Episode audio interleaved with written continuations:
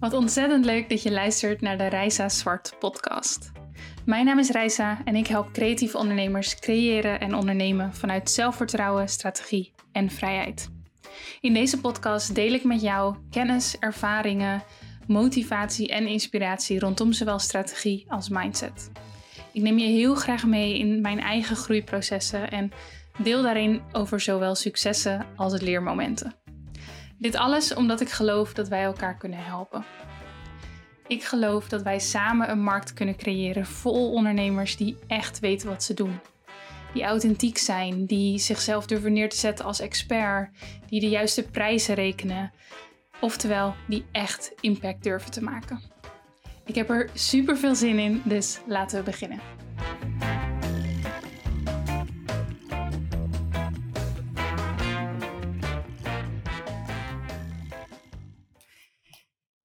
Hey, het is tijd voor weer een nieuwe podcast. En ik ehm, ben op dit moment nog steeds in Monteverde, Costa Rica. En ik ehm, ben aan het opnemen in um, ja, de yoga studio hier, of het yoga deck, of nou ja, hoe je het wil noemen. mocht je op YouTube kijken, dan kun je mij natuurlijk zien. En zo niet, dan omschrijf ik graag even voor je wat ik zie, zodat je een beetje een beeld hebt van waar ik op dit moment zit. Ik Nee, het zit in een, in een best wel grote ruimte, een mooie houten vloer, hele grote ehm, ramen met uitzicht op de bomen. En dit is waar ik de afgelopen 2,5 week best wel veel ben geweest om yoga te doen. En dat ehm, was echt genieten. Over een paar dagen gaan wij naar de volgende bestemming, dus dan laat ik deze plek achter me. En ja, het leek me tof om hier een podcast op te nemen, omdat ik het één, ik vind het gewoon echt een hele mooie ruimte. En um, deels waarom ik, uh, waarom ik eigenlijk deels ook de, de podcast op video opneem. Is, nou ja, en dat leek me gewoon heel erg tof om aan jullie te laten zien. Maar um, ergens misschien ook een heel klein beetje voor mezelf. Omdat het me heel erg tof lijkt om straks ook terug te kunnen kijken. En ja, te kunnen zien waar ik op dat moment was en waar ik die podcast heb opgenomen. En natuurlijk maken we superveel foto's en video's. Um, maar dit was voor mij nog een extra manier om dat soort van uh, vast te leggen voor mezelf en voor jullie. Dus vandaar dat ik hier zit. En het is een klein beetje behelpen in die zin. Um, er kunnen hier gewoon mensen voorbij lopen. Uh, soms hoor je ook wel wat auto's vanaf de weg.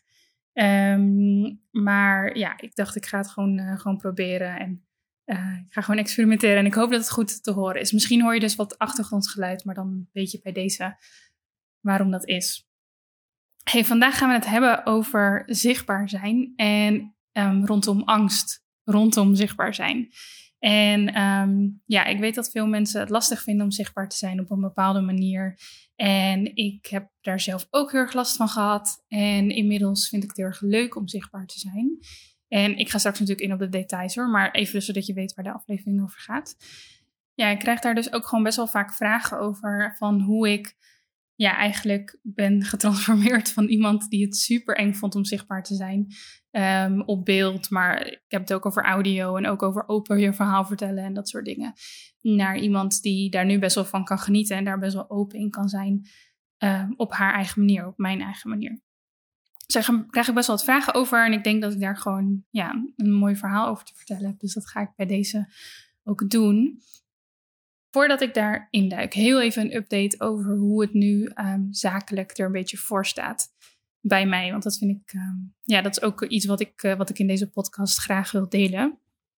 Um, ik heb vorige maand de masterclass strategisch plannen gelanceerd. die lancering ging heel erg fijn. Ik stond er heel erg relaxed in. En ik heb ook uh, ja, veel ondernemers mogen helpen met het strategisch plannen. En ja, daarnaast lopen eigenlijk mijn andere masterclasses lopen, lopen gewoon fijn en goed. En um, die zijn volgens mij ook gewoon heel veel mensen aan het helpen. Dus dat is heel tof om te zien. En dat is bijvoorbeeld uh, de, de masterclass starten met Print on Demand, maar ook mijn online cursus ondernemen vanuit authenticiteit. En die staan gewoon op mijn website. En ja, wanneer mensen daar behoefte aan hebben, kunnen ze daarin investeren. En dat is zo'n fijn gevoel. Um, Jullie weten uh, misschien wel dat ik al jaren online trainingen geef en dat soort dingen. En dit jaar um, vanuit Confetti Collective, wat ik samen had met, uh, met Elsa, ben gestart voor mezelf in deze richting eigenlijk. Naast de mentoring dat ik al deed voor fotografen en andere creatievelingen. En ehm, ja, het is eigenlijk heel, uh, heel, heel snel gegaan. En um, er staat nu zoiets moois en ik ben er zo trots op.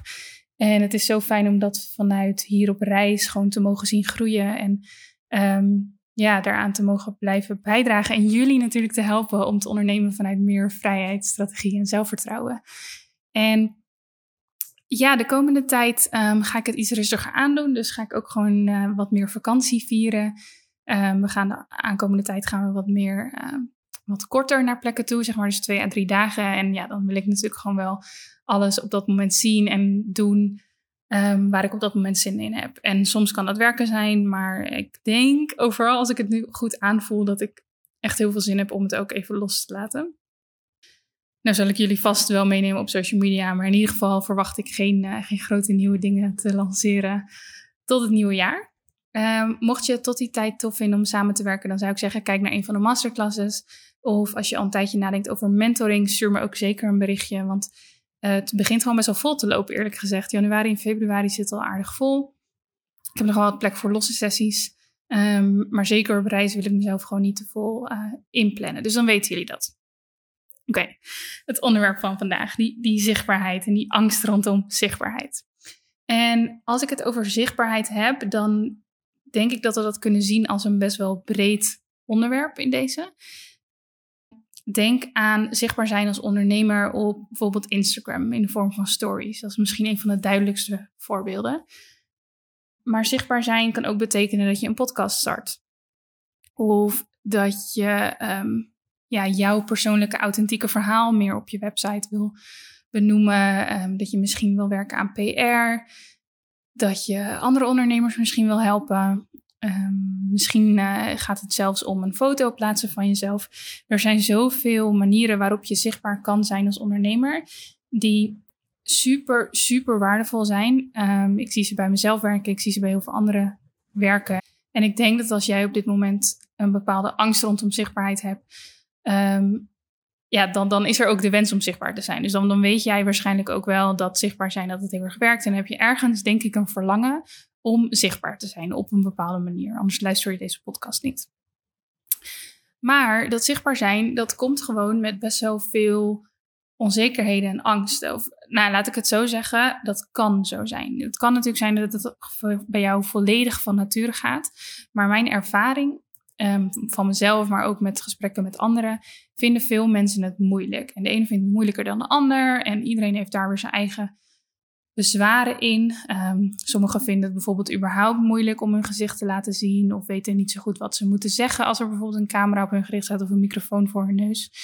Um, het kan ook zijn dat je die dingen eigenlijk niet zo moeilijk vindt, maar dat, het, dat je bang bent dat het inhoudelijk niet sterk genoeg is of dat het je niet lukt om consistent genoeg te zijn als jij een van die dingen herkent, als je ergens een onzekerheid, ehm, ik, ik, ik, noem het in deze angst, maar het kan natuurlijk ook kleiner zijn en dat kan ook een onzekerheid zijn, een twijfel. Maar als er iets is wat jou op dit moment tegenhoudt om zichtbaar te zijn op de manier die je graag zou willen en waarvan je weet dat die sterk zou zijn voor je bedrijf, nou, dan is deze podcast dus voor jou en dan um, ja, hoop ik je wat dingen mee te geven die daarin kunnen helpen. Goed, ik ga eerst even mijn verhaal daarin vertellen, want dan weet je ook waarvanuit ik dit um, vertel en waarom ik het idee heb dat ik hier iets over te zeggen heb. um, waar, waar zal ik beginnen? Nou ja, ik, um, ik, waar ik vaak mee begin is tegen mensen zeggen dat uh, als, als ze mij bijvoorbeeld vragen stellen van hoe heb je dat nou gedaan of vond je dat altijd al zo makkelijk, is dat ik meestal begin met te vertellen, oké, dit was voor mij echt totaal niet natuurlijk. Um, als we even heel ver teruggaan. Ik weet van verhalen van mijn ouders en filmpjes en dat soort dingen dat ik een ontzettend verlegen kindje was. Um, en die verlegenheid, die, uh, ja, die heeft er echt nog heel lang in gezeten. Ik ben, ik ben sowieso ook introvert en die, die dingen hoeven niet uh, per se met elkaar te maken te hebben hoor. Maar um, ik ben zowel verlegen als introvert. of ik moet misschien zeggen, ik was verlegen. Ik kan nog steeds wel verlegen zijn, maar ik heb daar wel hele grote stappen in gemaakt. En ik denk dat het vroeger ook heel veel te maken had met een bepaalde onzekerheid over mezelf. Over wie ik ben, maar ook over mijn lichaam en wat ik waard ben. En nou ja, ga zo maar door. En dat ik ja, de afgelopen jaren, eigenlijk de afgelopen tien jaar dat ik fotografeer en dat ik onderneem, dat ik daar hele grote stappen in heb gezet. En dat het ondernemerschap daar ook een heel groot onderdeel van is. In van mezelf zekerder voelen en ja, meer zelfvertrouwen daarin krijgen. Ehm, maar van nature heel verlegen dus.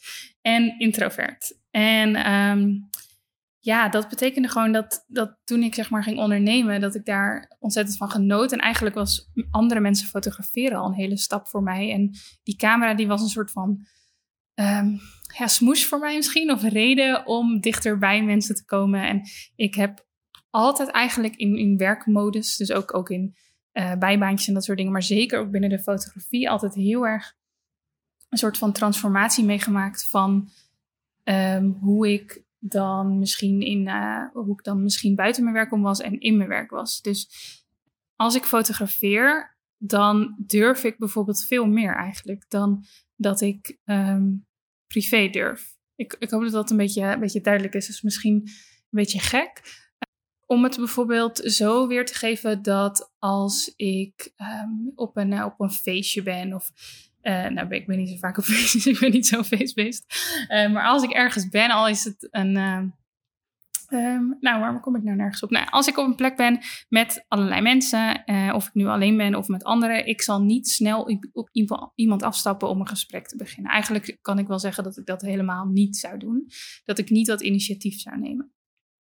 Maar stel nou dat ik ergens ben en er zijn allemaal, allemaal mensen en ik um, wil heel graag een shoot doen op dat moment. En dat gebeurt bijvoorbeeld wel eens als ik in het buitenland ben en ik heb een hele toffe plek. En ik denk, oh, kon ik maar iemand fotograferen hier? Op het moment dat ik dan een, een persoon zie of een stijl zie waarvan ik denk, oh, die zou ik graag fotograferen, dan loop ik dus wel op hun af om te vragen of ze dat tof zouden vinden. Terwijl ik dus niet zo snel op iemand af zou lopen om zomaar een praatje te beginnen of om ze iets anders te vragen. Daar kan ik best wel ongemakkelijk in zijn eigenlijk. Maar op een of andere manier, als het voor mijn werk is en dan weet ik dat er een hoger doel aan verbonden is en dan wil ik het graag en dan, dan doe ik het wel. Maar dat is een beetje de, de vibe hoe, van hoe ik ben en hoe mijn persoonlijkheid ook in elkaar zit. Um, dat is denk ik uh, goed om te weten voor de rest van het verhaal. Oké, nou ja, ik, ik, toen ik uh, begon met ondernemen en fotograferen, toen, uh, nou, eerst was dat heel erg anoniem en uiteindelijk begon ik wel wat foto's van mezelf te delen en dat soort dingen en iets persoonlijker te worden in mijn verhaal. Uh, daar heb ik nooit zo heel erg, uh, hele erge problemen mee gehad. Maar um, ja, ik, ik had op dat moment, zeg maar, toen ik begon met mijn onderneming, had ik eigenlijk nooit kunnen denken dat ik bijvoorbeeld op een podium zou staan om mijn verhaal te vertellen. Of, omdat, of dat ik stories zou maken waarin ik praat tegen de camera. Eigenlijk was het zo erg, of erg, maar eigenlijk was het zo dat ik niet eens een voice berichtje naar iemand durfde te versturen. Nu ben ik daar echt heel erg fan van. Van iemand gewoon een, um, een WhatsAppje sturen met een voice note. Of een, een Instagram DM met een voice note. Of uh, ja, misschien een wat meer ouderwetse versie daarvan is iemand voicemail inspreken. Dat soort dingen vond ik echt vroeger vreselijk. Ik moest er echt niet aan denken. En um, ja, eigenlijk binnen mijn on onderneming heb ik ook nog best wel lang ondernomen zonder, zonder dat soort dingen te doen. Zonder eigenlijk heel persoonlijk te zijn. En zonder, zonder zichtbaar te zijn dus. Toen um, begonnen Elsa en ik met de Confetti Collective. En ik heb al een paar keer gezegd, ik ben heel slecht met jaren. Maar ik denk dat dat nu zo'n zes jaar geleden is of zo. Op het moment van opnemen.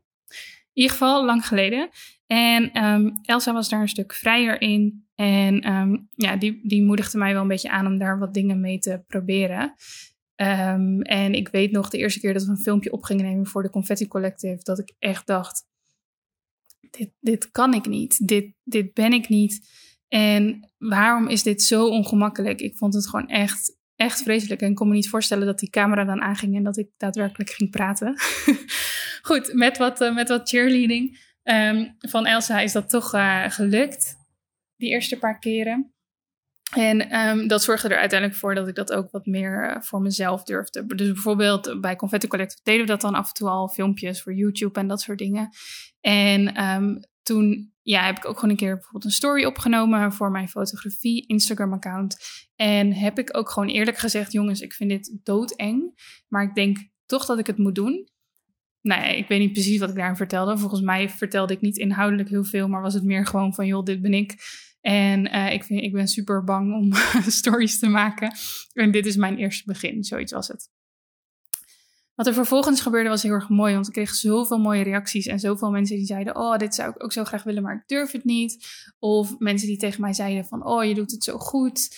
Ehm, en dat gaf mij uiteindelijk, ehm, ja, zeg maar de motivatie om door te zetten en om nog een keer een video op te nemen. En ja, telkens dat stapje buiten mijn comfortzone te zetten. En hetzelfde proces ben ik doorgegaan met ehm, spreken voor publiek. Ook samen met Elsa trouwens, die ik echt super dankbaar ben voor het proces wat ik daarin heb mee mogen maken. Ja, maar ook op het gebied van eh, spreken in publiek was ik dus echt, zeg maar, ja, terrified. Was ik echt, echt heel bang. En ehm, kan ik nu zeggen, na een aantal jaar ervaring daarmee, dat ik er best wel van geniet. En dat ik stiekem uitkijk naar de eerstvolgende keer dat ik mag spreken. Ik heb zelfs, en daar ben ik heel erg trots op, anderhalf jaar geleden gesproken voor, nou, het zijn, zo'n 400 internationale um, fotografen, dus in het Engels, bij Way Up North. Dat is een hele toffe um, conferentie voor bruidsfotografen. En ja, ook op een aantal hele andere mooie evenementen. En dat had ik echt, echt nooit kunnen denken. Um, dus hierbij ook, ik geef dat best wel vaak jullie mee, maar het is ook een beetje mijn motto. Als ik het kan, dan kunnen jullie het ook. Die angst voor zichtbaarheid was echt echt heel groot bij mij. En ik kan oprecht zeggen dat ik er nu echt een hele grote liefde voor heb. En dat betekent echt niet dat ik zomaar um, alles online gooi of dat je mij constant ziet. Ik doe dat heel erg op mijn eigen manier, op mijn authentieke manier, heel erg op een manier die voor mij goed voelt en um, ja, bij mijn doelgroep ook goed, uh, goed aankomt, heb ik het idee.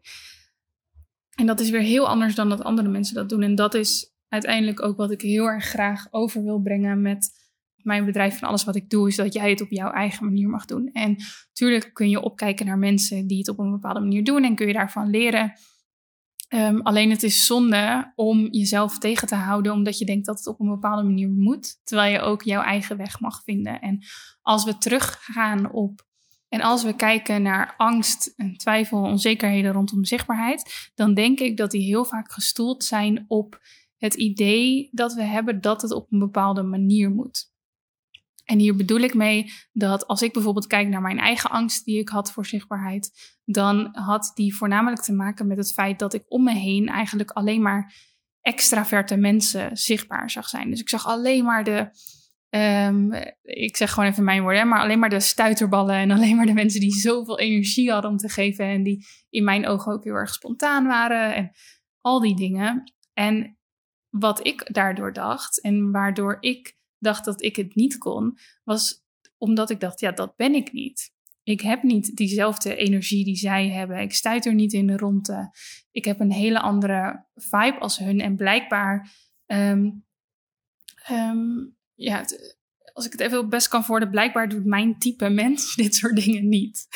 en ik denk dat als ik, ja, als ik echt teruggrijp op waar komt die angst nou vandaan, dat dat een heel groot onderdeel ervan is. Is dat je het idee hebt dat je iemand anders moet zijn om bepaalde dingen te doen, zoals zichtbaar zijn. En als je dat denkt, ja, dan is het super eng. Want dan moet je dus blijkbaar een rol spelen om zichtbaar te zijn. En persoonlijk, voor sommige mensen is juist een rol spelen misschien een veilige manier van zichtbaar zijn. Maar voor mij is een rol spelen doodeng, zeg maar, in de vorm van zichtbaar zijn. Maar ik zou bijvoorbeeld ook uh, geen, ja, ik ben ook niet iemand die hele hele, die, die bijvoorbeeld een typetje zou doen of die op het podium zou staan als, als actrice of dat soort dingen. En ik zeg dat nu en tegelijkertijd weet ik, als ik dat graag zou willen, dan dat ik daar ook stappen in zou, zou mogen zetten. Maar in principe een, een rol spelen of iemand zijn die ik niet ben, dat intimideert mij. En daardoor intimideerde zichtbaar zijn mij ook heel erg. Tezamen natuurlijk met wat je dan vervolgens denkt dat anderen over jou gaan denken. Want dat is ook, ook vaak waarom we dingen natuurlijk niet doen, omdat we bang zijn voor reacties van anderen. Maar goed, ik heb dus die transformatie kunnen maken. Ik ging van iemand die super bang was voor, laten we zeggen, alles rondom zichtbaarheid, naar iemand die gelooft dat ze het op haar eigen manier kan doen en die er ontzettend van kan genieten. En um, ja, ik, ik zie ook echt dat het gewoon zo waardevol is. En ik weet ook dat het voor jullie bedrijf heel waardevol is op jouw eigen manier. En niet alleen maar qua persoonlijkheid, maar ook um, qua type zichtbaarheid. Dus ik zeg echt niet dat jullie allemaal een podcast moeten beginnen of dat je allemaal stories moet doen. Alleen ik denk wel dat mensen tegenwoordig op zoek zijn naar persoonlijke bedrijven en het heel erg fijn vinden om connecties te maken, zeker met creatievelingen. Dus dat er in een bepaalde mate van zichtbaarheid gewoon heel veel kracht zit en dat je daardoor veel beter ehm, kunt verkopen en, en beter mensen kunt helpen, meer impact kunt maken. En dat is ja, waarom we het doen natuurlijk. Goed, hoe kun je er nou voor zorgen dat, um, dat je die angst overwint? En ik hoop dat mijn verhaal daar sowieso een inspiratiebron in kan zijn. Dus wellicht haal je daar al dingen uit. Maar twee hele belangrijke dingen die je kunnen helpen, die ik je vandaag mee wil geven, zijn nummer één. Dat je hetgeen dat je doet, uh, de mensen die je helpt, de impact die je wil maken, dat je die belangrijker moet gaan maken dan jouw eigen onzekerheid. Zeker in het begin, want uiteindelijk geloof ik dus wel dat voor iedereen die onzekerheid en die twijfel weg kan vallen, of dat je je gewoon een betere manier vindt om daarmee om te gaan. Ehm, ik ben bijvoorbeeld nog steeds super zenuwachtig voordat ik een podium op moet. Maar ik weet, wel, ik weet wel inmiddels dat ik het kan en dat ik toch doorzet en dat ik het tot een goed einde kan brengen. Dus soms is het ook gewoon, oké, de spanning blijft. Maar zorg je er in ieder geval voor dat, dat het je niet meer verlamt en dat je wel actie kunt ondernemen. Dus dat is nummer één. Ga ik zo iets dieper op in. Maar nummer één, nogmaals, hetgeen dat je doet, de impact die je maakt, de mensen die je helpt, belangrijker maken dan jouw eigen onzekerheid of angst. En nummer twee is dat je ervan uit mag gaan dat jij sowieso kritischer bent dan anderen. Dus dat alle dingen die, um, jij, die jij bij jezelf ziet, en dat kan zijn van dingen aan je lichaam die je niet mooi vindt, aan dingen in je stem die je misschien vervelend vindt.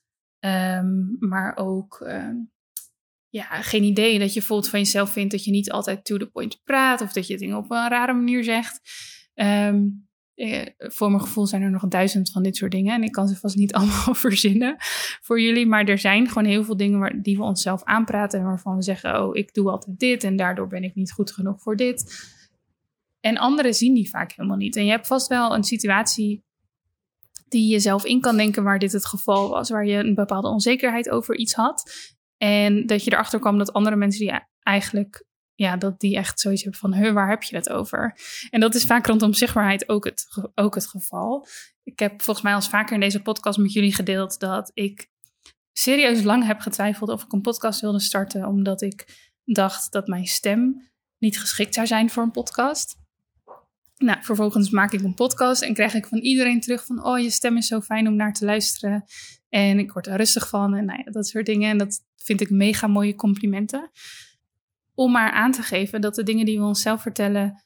niet altijd per se waar zijn. Eigenlijk vaker niet dan wel, denk ik. En dat het zeker de moeite waard is om in ieder geval te onderzoeken... of andere mensen er ook zo over nadenken. Want als jij jezelf dus nu met zo'n soort... ik ga het gewoon even zo zeggen, zo'n stomme reden tegenhoudt... dan ja, vind ik dat echt een disservice naar de mensen die je wil bereiken. Want super zonde dat jij daardoor geen filmpje opneemt of je geen podcast doet of niet persoonlijk bent of wat dan ook. Omdat jij iets in je hoofd hebt wat dus eigenlijk helemaal niet de waarheid is. Dus nummer twee wat ik aan je mee wil geven is jij bent kritischer dan anderen. En, en dit gaat misschien nog net een stukje verder. Ehm, eigenlijk is natuurlijk sowieso alleen maar belangrijk wat de mensen ervan vinden die jij graag wilt helpen. En ehm, de rest maakt eigenlijk niet zoveel uit. En daar bedoel ik mee dat, ehm, eh, ja, bijvoorbeeld mijn, mijn doelgroep die mij volgt, die vindt deze podcast bijvoorbeeld heel tof. Uh, tenminste, dat denk ik, dat hoop ik. En zeker als je nu aan het luisteren bent. Ehm, het kan best zijn dat iemand uit mijn kennissenkring, en ik heb dit zelf nog niet meegemaakt, maar ik hoor dit soms wel bij anderen.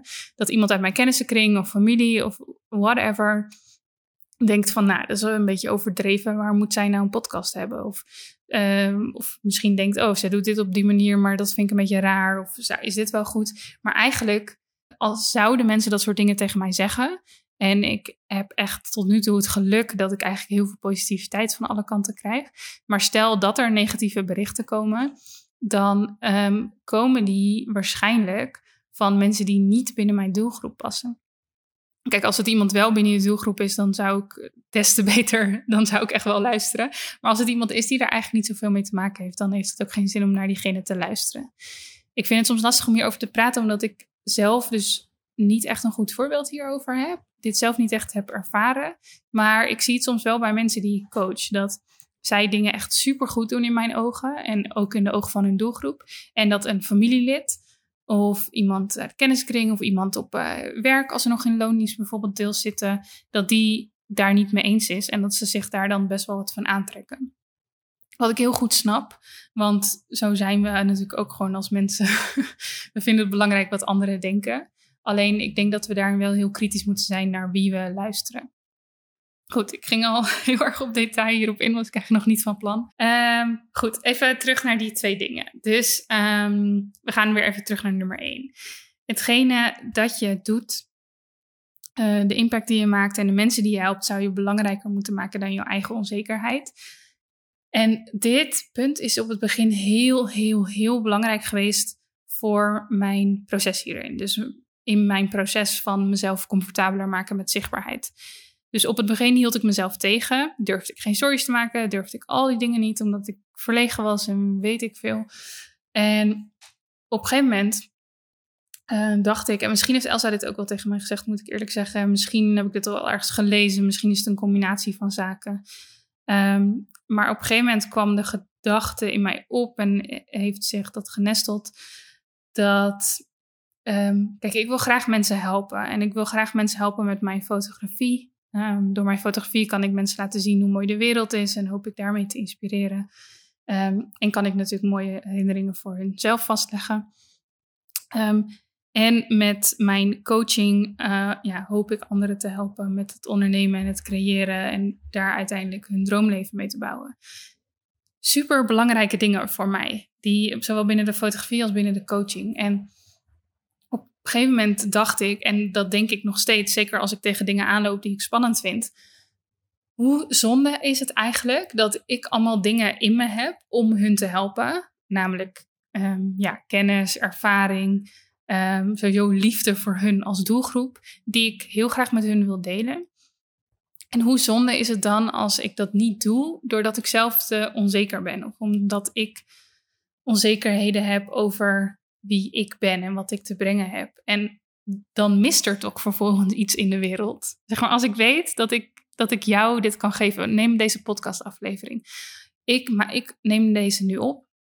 En ik hoop, hoop, hoop heel erg dat, dat jij, en dat, dat prima als dat maar één iemand is van iedereen die luistert, dat hij hier iets aan heeft. Dat iemand zijn eerste story opneemt of dat iemand net iets beter met die stemmetjes in eh, haar of zijn hoofd om kan gaan, die soms negatieve dingen zeggen. En daarmee maak ik een verschil in jouw leven. En dat kan een heel klein verschil zijn, maar ik maak daarmee wel een bepaald verschil. En ja, ik, ik maak liever dat verschil dan dat ik zelf altijd maar comfortabel ben. Um, en uiteindelijk, als je een paar keer dat proces hebt, hebt doorgemaakt, dus als je weet van oké, ik maak hetgene wat ik wil meegeven belangrijker dan mijn eigen onzekerheid. En als je vervolgens merkt dat die onzekerheid dan ook nog eens wegvalt of minder wordt of dat je daar beter mee om kan gaan, dan is het ineens echt een enorme win-win situatie. En dat is fijn en dat zorgt er uiteindelijk waarom je door kan gaan. Maar ik denk om de eerste stappen te zetten, om door dat oncomfortabele moment heen te gaan van iets voor de eerste keer doen of iets doen wat je spannend vindt, is nadenken wat je voor iemand kan betekenen en waarom het dus zo belangrijk is om het wel te doen. En als je datgene maar belangrijk genoeg maakt, als je dat belangrijk genoeg durft te zien, zeg maar, dan weet ik zeker dat jij die stap ook kunt nemen. Dat je iets kunt doen wat buiten je comfortzone uh, is. En hopelijk krijg je dan positieve feedback. En die positieve feedback kan zijn van de mensen die bijvoorbeeld kijken naar een story of luisteren naar een podcast of een berichtje lezen op Instagram waarin je opener bent dan dat je normaal bent. Um, het kan ook zijn dat die voldoening of die positieve feedback eruit komt dat jij een kick krijgt van wow, ik heb het gewoon gedaan. En um, het kan ook zijn dat iemand in je omgeving heel erg trots op je is. Dus positieve feedback kan uit heel veel dingen bestaan. En ik zou je ook zeker willen aanraden om te zoeken naar iets positiefs. Dus stel um, dat jij jezelf openstelt en dat je in eerste instantie niet zoveel reactie krijgt vanuit je doelgroep. Dat zou kunnen.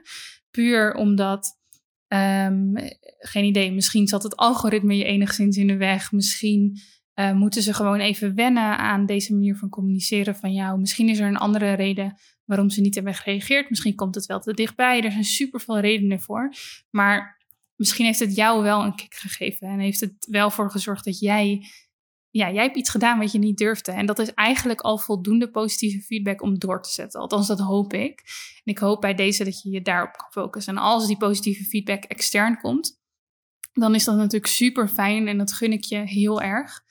Maar bij deze ja, wil ik wel even meegeven van dat kan gebeuren. Het kan ook niet gebeuren. En probeer dan alsnog het positieve te zoeken om het volgende keer weer te doen en om door te zetten. En om de volgende keer weer je doelgroep belangrijker te maken dan jouw eigen onzekerheid. En ik ben inmiddels best ver in dit proces. Maar nog steeds zijn er dingen die ik spannend vind. En misschien past dat ook gewoon bij mij als persoon en als creatieveling. En ja, een recent voorbeeld is bijvoorbeeld deze podcast. En ik weet zeker dat er nog heel veel andere dingen komen die ik spannend ga vinden, maar die ik wel ga doen als ik er voldoende baat bij zie voor mijn doelgroep en uiteindelijk ook voor mij. Dus nogmaals, dat was nummer één. Maak, uh, maak hetgene wat je wil doen, wat je wil bereiken, de impact die je maakt en de mensen die je helpt. Maak dat als je, als je, alsjeblieft belangrijker dan je eigen onzekerheid. En zet die eerste stap en zoek vervolgens naar de positieve feedback, waar je hem ook kunt vinden. Pak hem gewoon ergens vandaan.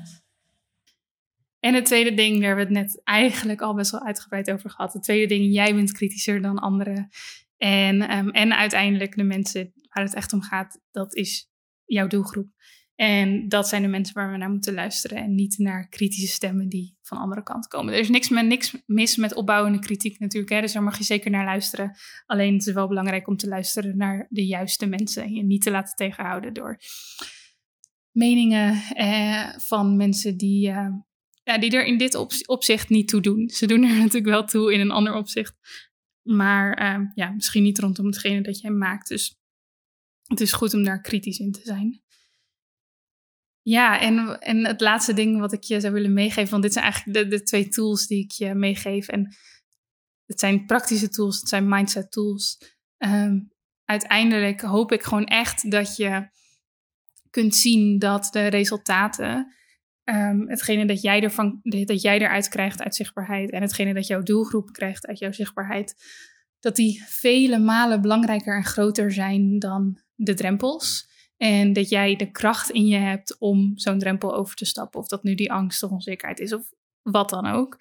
Dat je kunt zeggen, joh, dit is er nu. Um, en ik ga een manier vinden om over die drempel heen te komen en het gewoon te doen. En in ieder geval te kijken of het iets voor me is. Het kan natuurlijk zijn dat jij besluit om zichtbaar te uh, zijn op een bepaalde manier. En dat je erachter komt dat, dat je heel onzeker blijft. Um, of dat, um, dat je er geen voldoening uit haalt. En, nou, die dingen vallen waarschijnlijk ook heel goed samen. Maar er kunnen nog meer redenen zijn hè, waarom je erachter komt dat het toch niet voor jou werkt. En dan is het ook helemaal prima om dat te beamen en om, om een andere manier te zoeken. Alleen geef het wel eerst een eerlijke kans. Ik denk dat dat je gewoon heel veel kan brengen en dat, dat je heel veel dingen in het leven eigenlijk op deze manier zou kunnen aanpakken. In dit geval met overzichtbaarheid. Maar um, ja, als je leert op deze manier naar dingen kijken, dan denk ik dat uiteindelijk niks meer te groot voor je is en dat je kunt bereiken wat je graag wil. Dus belangrijke lessen, denk ik, om, eh, om hier uit te kunnen halen. En iedereen zal er weer iets anders uithalen. Ik ben super benieuwd trouwens wat je eruit haalt. Dus um, als je deze luistert en je hebt een oh ja momentje of het helpt je om iets te doen wat je spannend vond, alsjeblieft laat het me weten. Stuur me een DM of um, post een screenshot van deze aflevering en vertel erbij wat je eruit hebt gehaald. Het helpt anderen om deze podcast ook weer te ontdekken. Of om een les te halen uit jouw les die je uit de podcast hebt gehaald. En zo ja, kunnen we die positiviteit gewoon heel ver verspreiden. En dat zou ik natuurlijk echt mega tof vinden. Ik uh, heb volgens mij alles gezegd wat ik wilde zeggen. Ja, en mocht je um, vragen hebben, mocht je hier dingen over willen zeggen, ik uh, ben super benieuwd naar je mening. En je kunt um, je bijvoorbeeld uh, nou ja, mengen in het gesprek door een YouTube-comment achter te laten of door mij een DM te sturen. Ik ben gewoon super, nou, dat is echt oprecht. Ik ben heel erg benieuwd naar je mening. Ik ben graag in gesprek met jullie. En um, ja, jullie zijn uiteindelijk degene waarvoor ik deze podcast maak. Dus dat. Hey, ik hoop dat je iets, uh, iets hebt gehad aan deze aflevering. Um, er komt uh, over twee weken natuurlijk gewoon weer lekker een nieuwe aan. En ik hoop dat je ontzettend geniet van je dag.